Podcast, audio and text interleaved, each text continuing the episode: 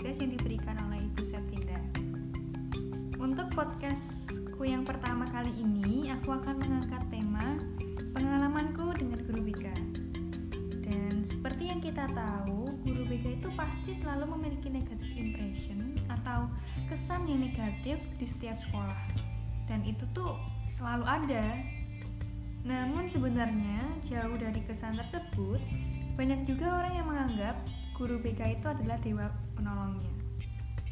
Oke, tanpa berbasa-basi lagi, hari ini di podcast pertamaku yang spesial ini, aku juga mengundang tamu yang spesial. Please welcome Anggi. Silahkan untuk memperkenalkan diri dulu, nama, terus sekolah atau kelas. Silahkan. Ya, saya Angel Lupita Jasmine, biasa dipanggil Anggi. Saya kelas 11 Usaha Perjalanan Wisata dari SMK 6 Jakarta. Jadi eh, Anggi ini adalah adik perempuan saya yang mana dia ini punya pengalaman tersendiri dengan guru BK dan tentunya saya. Jadi di sini kita akan bercerita tentang pengalaman-pengalaman kita dengan guru BK kita di SMP maupun di SMA. Oke, tanpa berbasa-basi dan kepanjang-panjang, eh, sebelumnya boleh nggak sih kayak cerita first impressionmu ke guru BK itu sebenarnya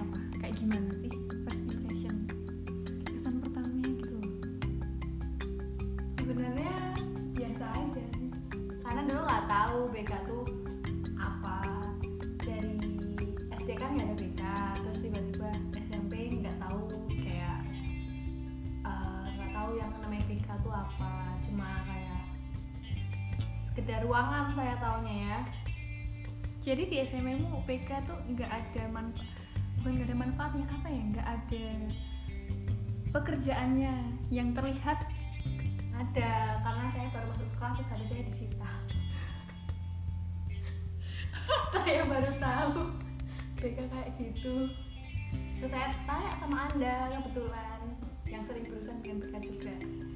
Iya, sebenarnya first impression saya dulu sebenarnya ke guru BK itu terlihat buruk juga sih sebenarnya. Karena eh, bawaan faktor bawaan dari saudara-saudara saya sebelumnya yang sekolahnya mendahului saya itu selalu bercerita bahwa guru BK atau guru BP itu adalah seorang guru yang galak yang selalu mengatur siswa-siswinya yang selalu menghukum siswa-siswinya jadi sampai ke SMA itu pasti uh, first impressionnya ke guru BK itu galak padahal sebenarnya enggak ya kan Ya sih, ya sih. Waktu itu eh, sering juga nonton di sinetron-sinetron SCTV ya, Wak.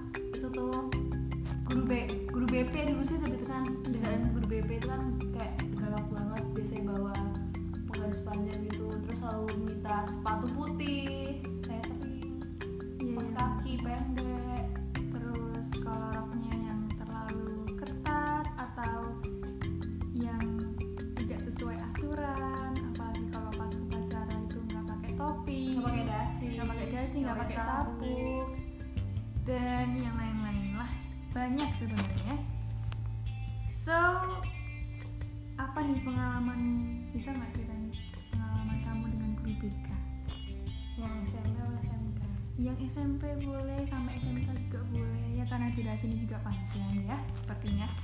yuk silahkan. Sebenarnya tuh um, pengalaman saya tuh nggak begitu banyak sih. Cuma seperti biasa yang pernah kelas 7 HP-nya disita tapi semenjak itu juga nggak bahagia lagi.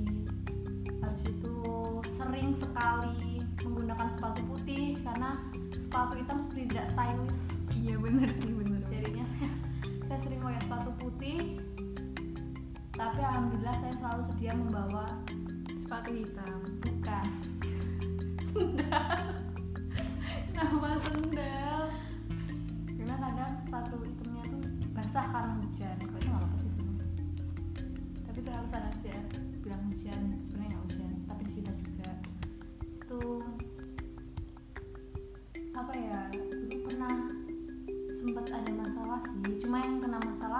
bukan saya juga cuma kesangkut karena waktu itu saya eh, nemenin orang temen nemenin teman kelas main bola. Terus ternyata itu sampai ke dengar sama guru BK terus akhirnya semua yang ada di tempat itu dipanggil.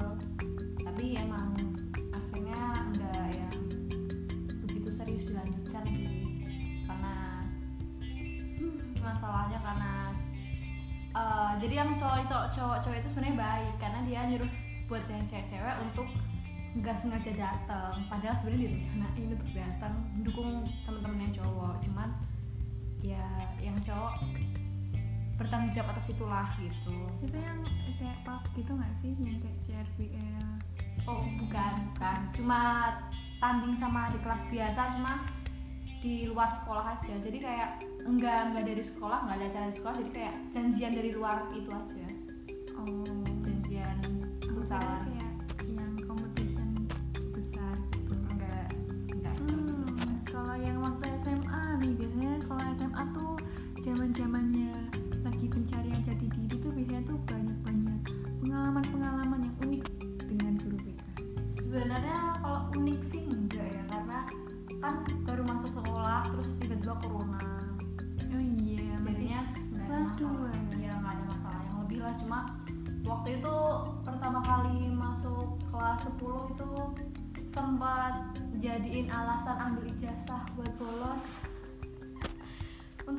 BK saya ibu bapak jangan dengerin ini.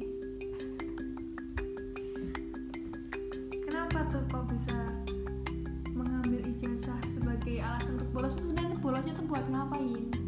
buat temenin teman ambil ijazah. Jadi ya waktu itu pas sekali pelajaran jurusan. Jadi ya udahlah sekalian aja gitu. Dan ternyata pas saya ambil ijazah misalnya gurunya tidak masuk. Terus waktu bolos yang beralasan dengan mengambil ijazah itu eh, ketahuan nggak? Dan dikasih hukuman nggak kalau ketahuan?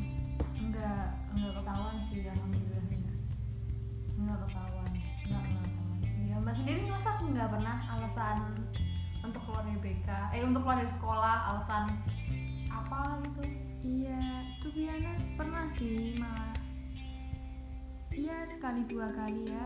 Eh, sama sih itu alasan banyak sekali. Sebenarnya saya baru sekali loh berpengalaman ya mbak ya sebenarnya tuh alasannya karena alasan yang sangat penting dan solidaritas. Karena waktu itu SMA saya bertanding dengan salah satu SMA negeri di Yogyakarta dan itu adalah DBL ajang yang sangat oh JRBL pernah DBL ya, ya berarti ya. kalau SMA ya DBL itu eh, ajang basket Satu. yang satu region satu wilayah Jogja oh enggak Jawa seluruh- Tengah. seluruh seluruh Indonesia cuma Oh, iya, ini- setiap iya, kota cuma setiap iya. diadu sendiri sekolahnya setiap region di setiap wilayah itu ada dan kebetulan sekolah saya main dan teman saya juga main mana mungkin dong saya tidak melihat dan mensupport akhirnya saya izin dengan embel-embel menjadi eh, si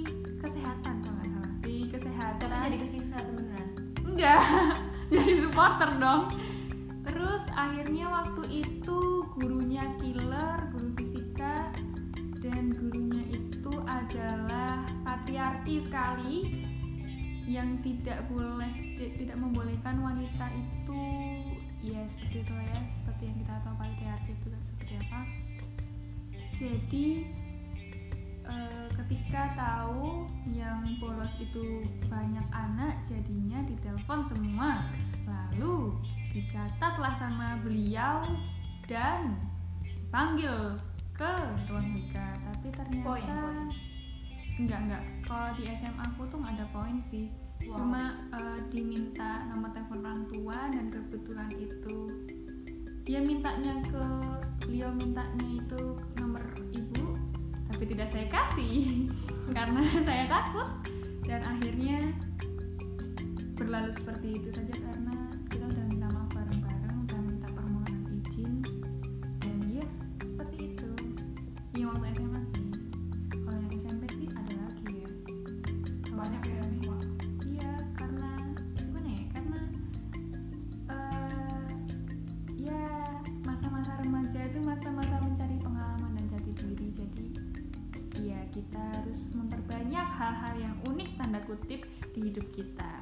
agar bisa dicerita ke anak cucu nanti.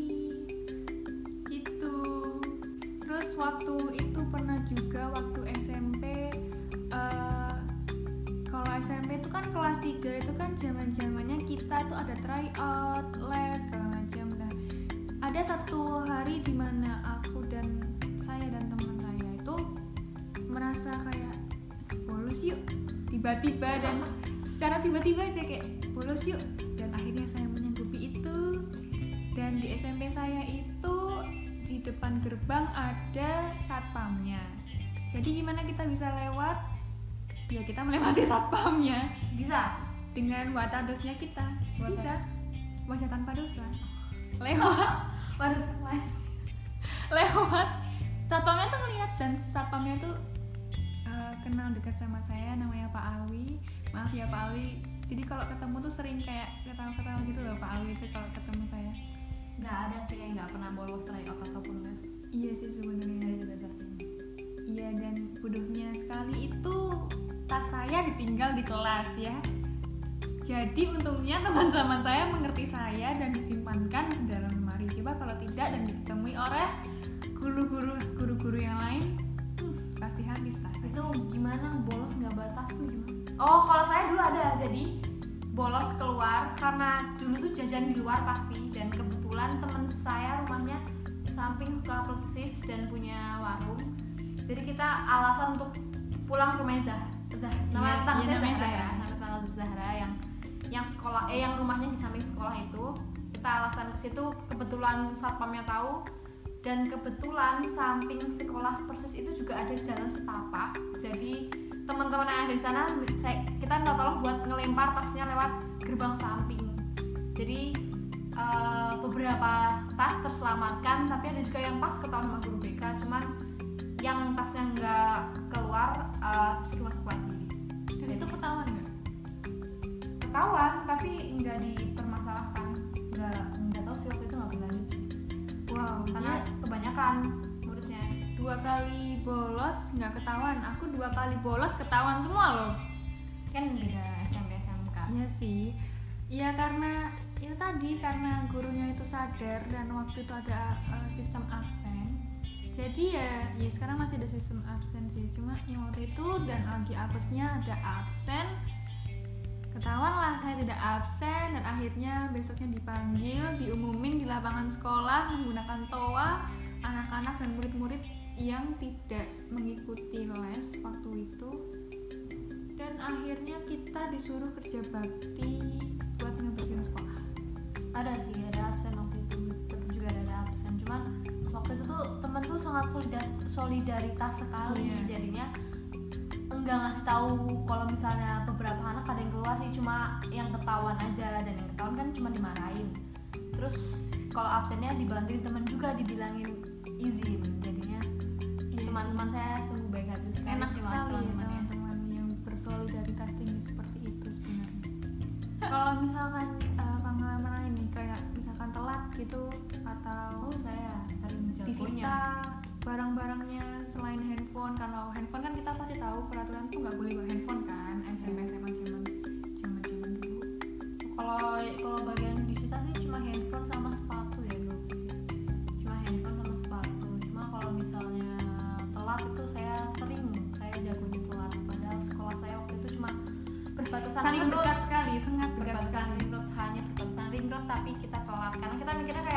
ya udah cuma situ. Tapi sampai sana telat. Dan biasanya kalau telat itu sekolah saya nulis asmaul husna. Baru boleh masuk. Jadi eh, nanti dikasih kertas folio terus kita tulis asmaul husna dengan artinya. Dan dibacakan baru boleh masuk. Sama Indonesia Raya. Kalau tidak hafal asmaul husna dan artinya bagaimana? Ada dikasih ini dikasih kertasnya. Oh. Cuma nyalin nyalin aku kira kayak cuma gitu kan bisa disalin disalin hari-hari sebelumnya bisa ngapalin dulu asmaul husna dan artinya terus besok-besok lagi bisa bolos gitu kan. Oh, enggak. Nyalin. Jadi kebetulan setiap hari saya telat jadi kebetulan kertas asmaul husna tuh saya numpuk di loker jadi full semua asmaul husna. Jadi kan nggak boleh nggak boleh. Saya sudah bunga nggak boleh. Harus nulis lagi nulis lagi. Besoknya telat nulis lagi. Besoknya telat nulis lagi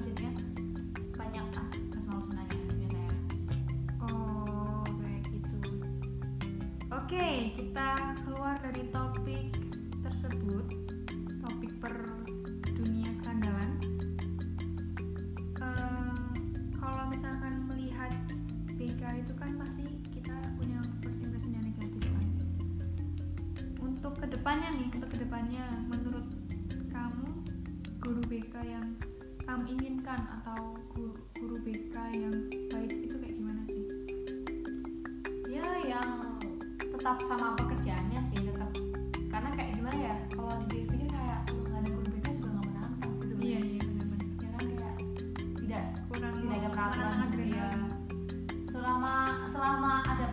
peraturannya dan eh, peraturannya itu benar dan memang kitanya yang salah mah nggak masalah juga yang penting jangan dijadikan murid itu sebagai kesalahan aja Iya benar-benar. Iya karena eh, banyak juga yang guru BK itu kalau di sekolah aku ya sih eh, dia tuh yang sebenarnya tuh murid ya nggak begitu salah-salah banget. Cuma kayak dipermasalahin diperbesar-besarin gitu loh biar kayak nggak tahu sih mungkin kayak biar kelihat dia itu bekerja atau gimana aku juga nggak tahu. Cuma sih kalau dari aku pribadi harapannya ya guru BK itu memang benar-benar dari lulusan BK karena eh, ilmunya tuh pasti beda banget kan eh, guru BK dengan guru-guru kayak sosiologi atau guru-guru IPA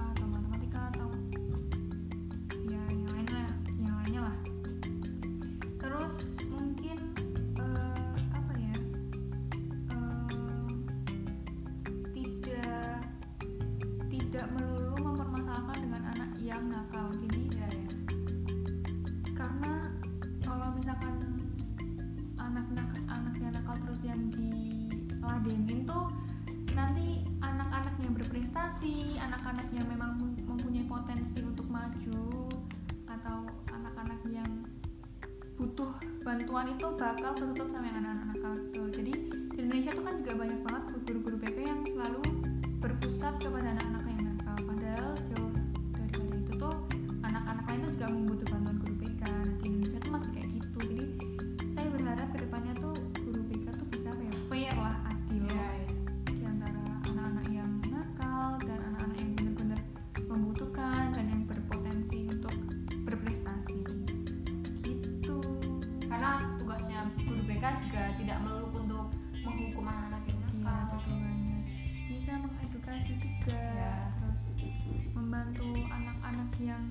kan banyak banget nih remaja-remaja yang kayak broken home atau salah pergaulan atau yang prestasi belajarnya kurang atau yang motivasinya juga kurang jadi guru BK tuh juga bisa mengedukasi orang-orang seperti itu gitu Iya, karena dulu juga saya masuk eh, keluar masuk keluar BK juga bukan karena masalah. Itu saya juga sering apa yang namanya konsultasi sama guru BK kayak waktu itu saya masih bingung banget mau SMA atau SMK karena ya itu sih sebenarnya yang paling bingung. Jadi saya sering kayak istirahat selalu ke guru BK selalu sih kayak dulu tuh hampir mau setiap hari kayak istirahat selalu iya selalu setiap istirahat selalu ke sana karena kayak pernah yang kayak ah saya fix yakin mau SMA ngomong sama guru BK saya tapi kayak besoknya saya balik lagi dan bilang mau ke SMK gitu-gitu saya memantapkan hati saya untuk masuk SMK iya sih eh, saya juga dari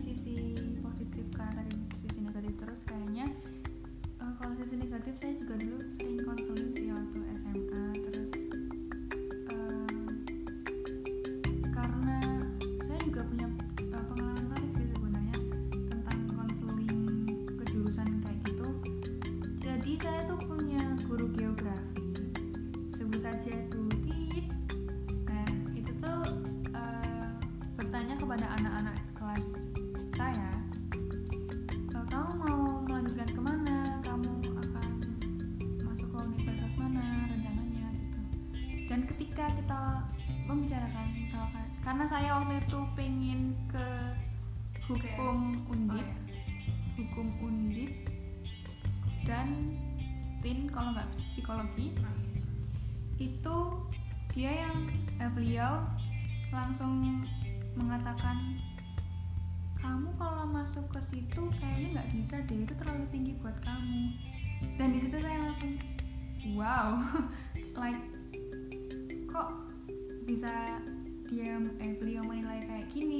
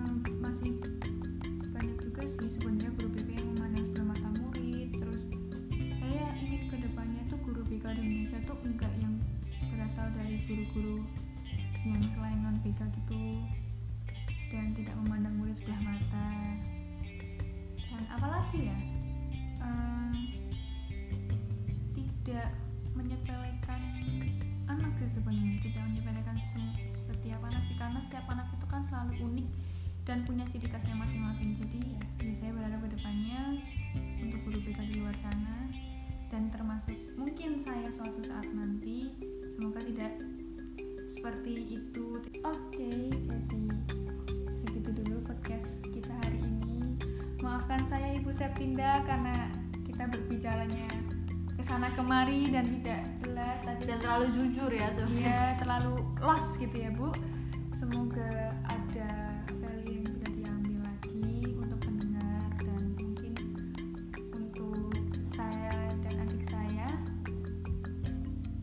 Kasih telah mendengarkan. Maaf karena saya juga belum pro dalam perpodcastan duniawi Iya, per podcastan duniawi sebagai penyiar juga. Mungkin ada yang mau disampaikan untuk Ibu Septinda atau untuk Ibu untuk orang-orang yang mendengar podcast ini nantinya. ya semoga